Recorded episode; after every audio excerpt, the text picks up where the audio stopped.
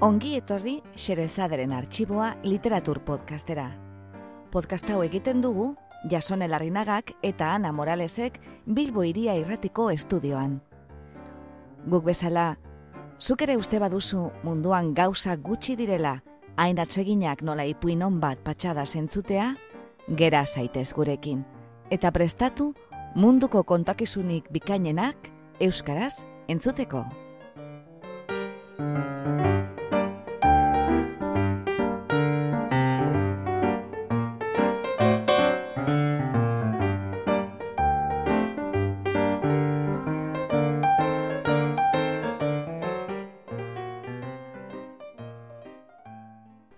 Gaur, xerezaderen arxiboan, Nemesisen jaia.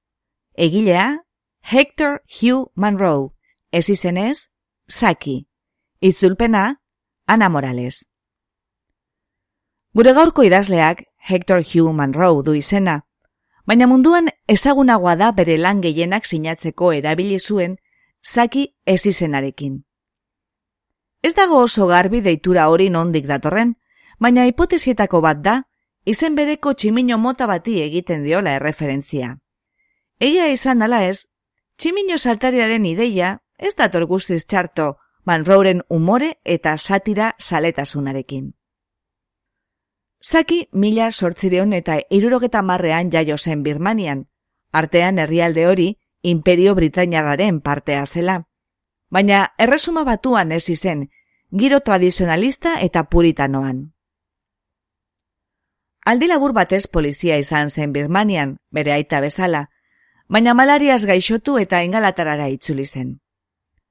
Bertan, kasetari lanari ekin zion zenbait egunkari eta aldizkaritan, aldi berean bere literatur lanak idazten zituela. Zenbait egunkari Britainarren berri emailea izan zen Balkanetan, Errusian, Barsobian eta Parisen. Zaki homosexuala zen, baina bere garaian delitua zen hori Britania handian, eta eskutuan neuki behar izan zuen, batez ere, Cleveland kaleko eskandaloaren eta Oscar Wilden atxiloketa eta kondenaren ostean. Lehen mundu gerran hil zen, Frantzian, frankotiratzaile batek tiro eginda. Haren azken hitzak izan omen ziren. Amatatu zigarro madarikatu hori behingoz. Zakik genero bat baino gehiago landu zituen. Antzerkia, saiakera historikoa, novela, adibidez The Westminster Alice, Alicia Lurralde miragarriaren parodia parlamentario bat, eta When William Came, fantasia espekulatibo bat, Britania handiaren balizko inbazio aleman baten ingurukoa. Baina batez ere, ipuinak idatzi zituen, eta jengatik da bereziki ezaguna, generoaren maizu maistren artean kokatzen baitute. Aldizkari eta egunkarietan argitaratu zituen beren narrazioak lehenik, eta gerora liburuetan bildu. Umore gaizto eta batzuetan makabroa darie. Ez da harritzekoa beraz, gure John Mirande haren salea izatea eta haren zenbait ipuin euskaratu izana. Ipuin kondatzailea eta leio irikia. Ipuñotako umoraren ziriek jomuga izaten dute autoraren garaiko gizarte dotorearen konbentzionalismoa. Ipuin divertigarriak eta gaiztoak dira zinez. Manroren lanak, Lewis Carroll, Rudyard Kipling eta Oscar Wilden eragina ageri du. Eta berak, besteak beste, pege Goodhausen gan izan zuen eragina. Manroren ipuin askotako pertsonaia bat, Clavis Sangreil gazte zinikoa da placer handi hartzen duena, goin mailako edadeko andregizon beneragarriei adarra jotzen. Mila beratzen eta laro eta zazpian, zakiren ipuin bilduma bat argitaratu zen euskaraz. Ipuin hautatuak izen burupean, Rosamiren hartolaren itzulpenarekin. Gaur irakurriko dugun ipuinak, nemez izen jaia du izena. Igaro berri ditugun egu berriek akiturik utzi bat zaituzte? Behar bada interesgarria irudituko zaizu sakik edo hobeto esan da Clavisek hemen proposatzen digun alternatiba. Eta orain, entzun dezagun, Nemesisen jaia.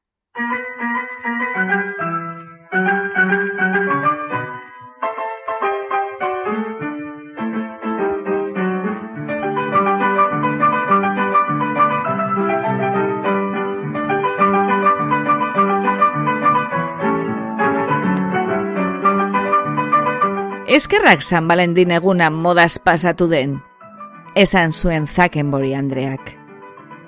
Gabonak eta urte berria eta paskoa direla eta ez direla urte betetzeak ez aipatzearen, nahikoa eta sobera egun gogoratu behar ditugu.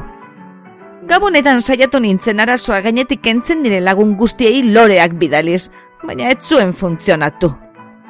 Gertrudek amaika berotegi dauzka eta hogeta mar lorazain inguru, beraz, erridikuloa izango zen loreak bidaltzea. Eta milik lore denda bat jarri berri du. Hortaz, pentsatu ere ez?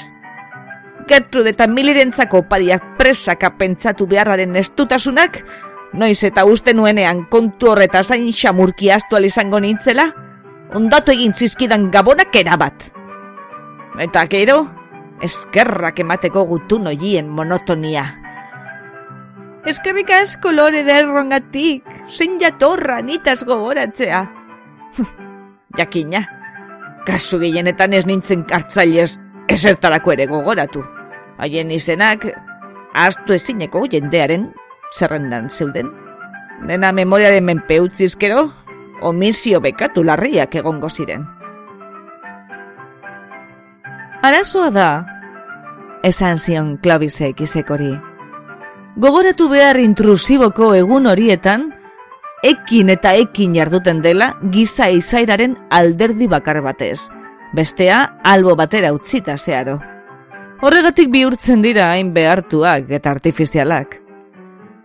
Gabonetan eta urte berrian, konbentzioek zirikatu eta bultzatzen gaituzte, ongirai baikorrez eta morroikeriasko afektuz beteta dauden mezuko ipetzuak bidaltzera, nori eta baskaltzera ere gonbidatuko ezkenuken jendeari. Azken minutuan norbaitek baskaltzeko utzegin ezean behintzat.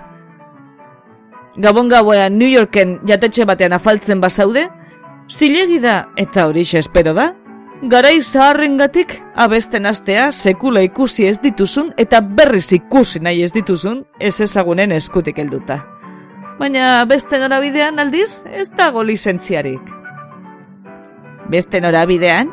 Ze beste norabide? Galdegin zuen zaken bori Andreak. Ez dago atera biderik zure sentimentuak erakusteko sinpleki gorroto duzu jenteari. Horixe da benetan gure zibilizazio modernoa aldarrika eskatzen da bilena.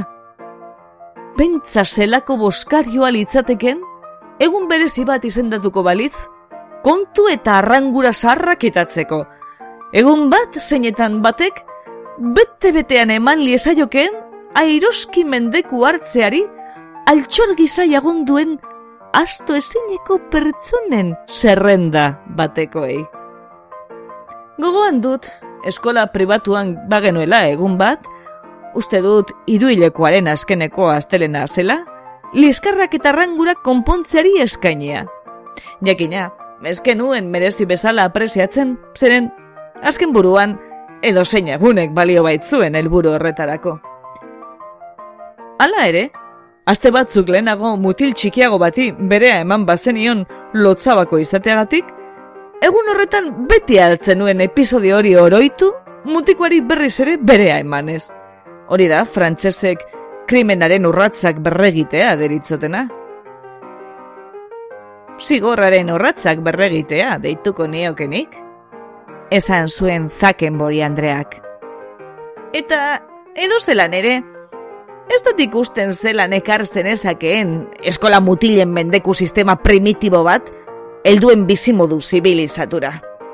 Ez ditugu gure grinak atzean utzi, baina suposatzen da ikasi dugula haiei sorrotze usten dekoruaren mugen barruan. Jakina, isilostuka eta gizabidez egin beharko litzateke, esan zuen Klavisek. Grazia izango litzateke, ez litzatekela inoiz naita izango, bestea bezala. Orain, Esaterako, zure buruari esaten diozu. Ezko erakutziren bat egin beharko die pa, uebritarrei gabonetan. Oso jatorrak izan ziren bertirekin bon muzen. Eta egutegi bat bialtzen diezu. Eta gabonen austeko urrengo sei egunetan, uebliarrak egunero galdetzen dio uebli emeari, ia gogoratu den zuri eskerrak emateaz bidali zenien egutegiagatik. Ederto, orain, transplantatu ideia hori zeure izatearen beste alderdi humanoago horretara, eta esan zeure buruari. Datorren aste artean, nemesis eguna da. Ze arraio egin ni ezaioke alboko jenden askagarri horri, alako izkanbila zentzugabea sortu zutenei, pinjanek hainka egin zionean beren ume txikienari. Orduan, egun seinalatuan, ikaragarri goiz jaikiko sinateke, eta euren lorategira salto egingo zenuke, lore zaintzarako sarde hon bat hartuta, beren tenis zelaia zulatzeko trufen bila, eta jakina, horretarako aukeratuko zenuke, ere inotzek behatzen lana eragosten duen zelaiaren parte hori.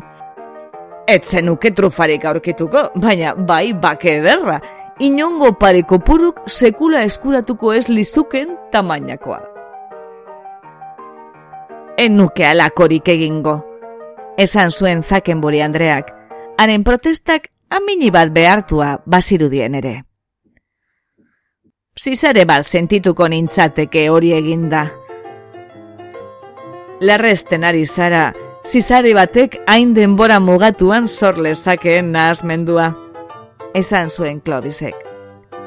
Amar minutu zer zine son batez buru belarri arituzkero, emaitzak pentsaraziko luke sator arrigarriki trebe baten edo askonar presati baten lanak direla.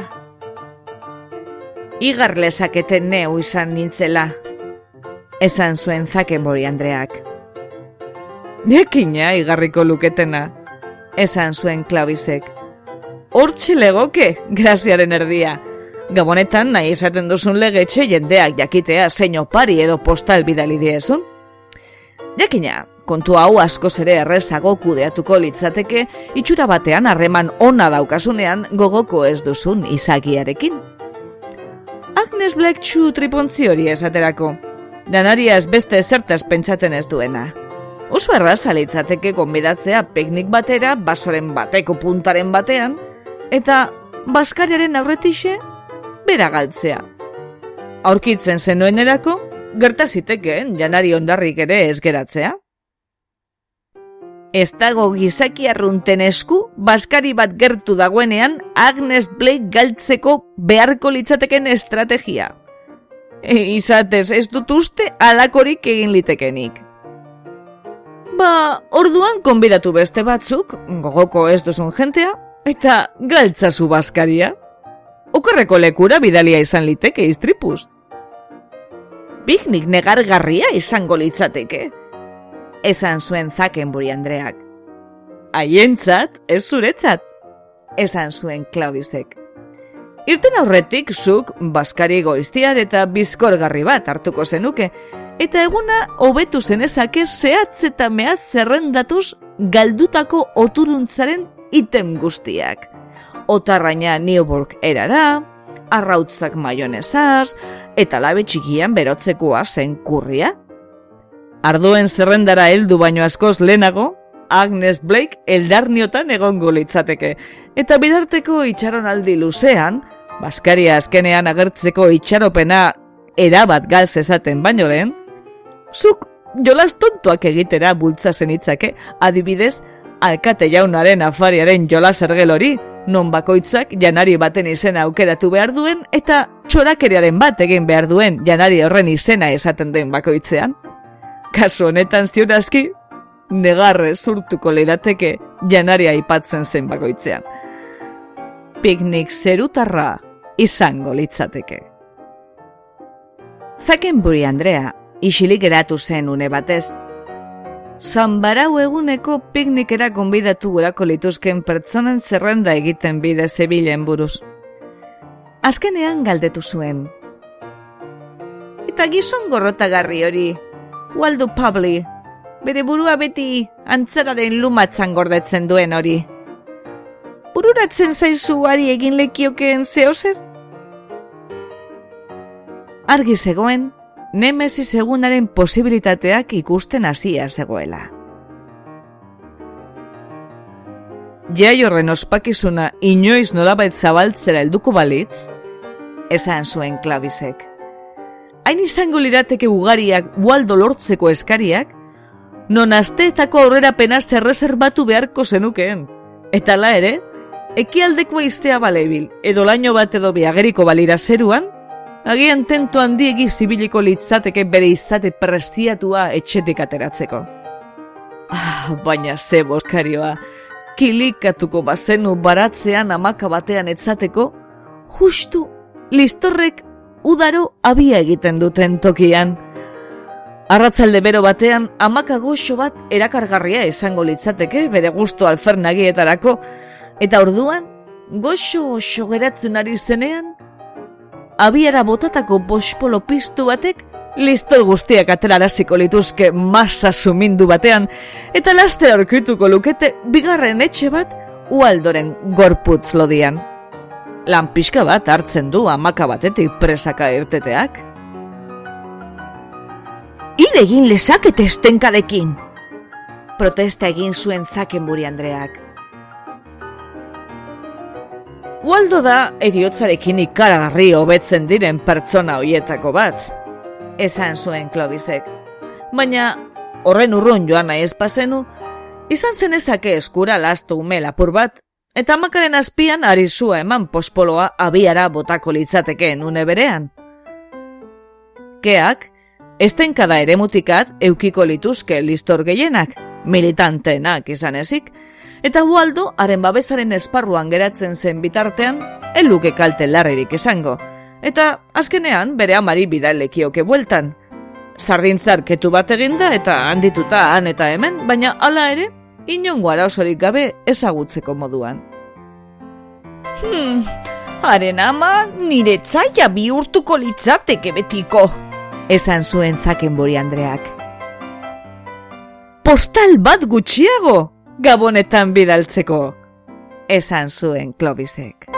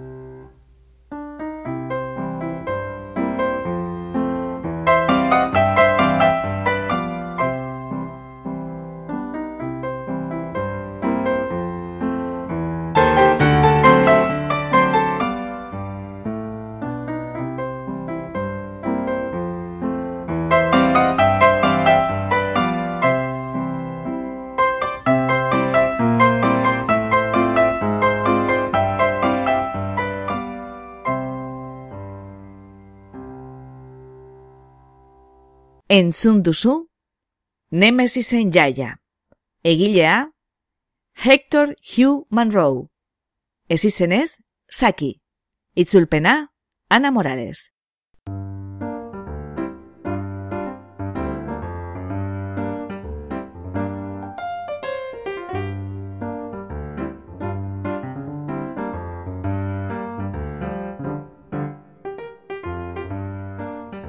Xerezaderen arxiboko beste atal bat entzun duzu. Gure doinoa da, Charleston Behind the Attic Door, Dance of the Wind taldearena. Besterik adierazi ezean, gure musikak jamendo.cometik hartuak dira, eta soinu efektuak berriz, freesound.cometik ateratakoak. Podcast hau egiten dugu, Jason Elarrinagak eta Ana Moralesek, Bilbo Iria Errotiko Estudioan, Leioan eta Mungian. Mila esker gurera hurbiltzeagatik. Gustura egon bazara? Erdu urrengo batean ostera ere, Xerezaderen arxiboa literatur podcastera. Laster arte!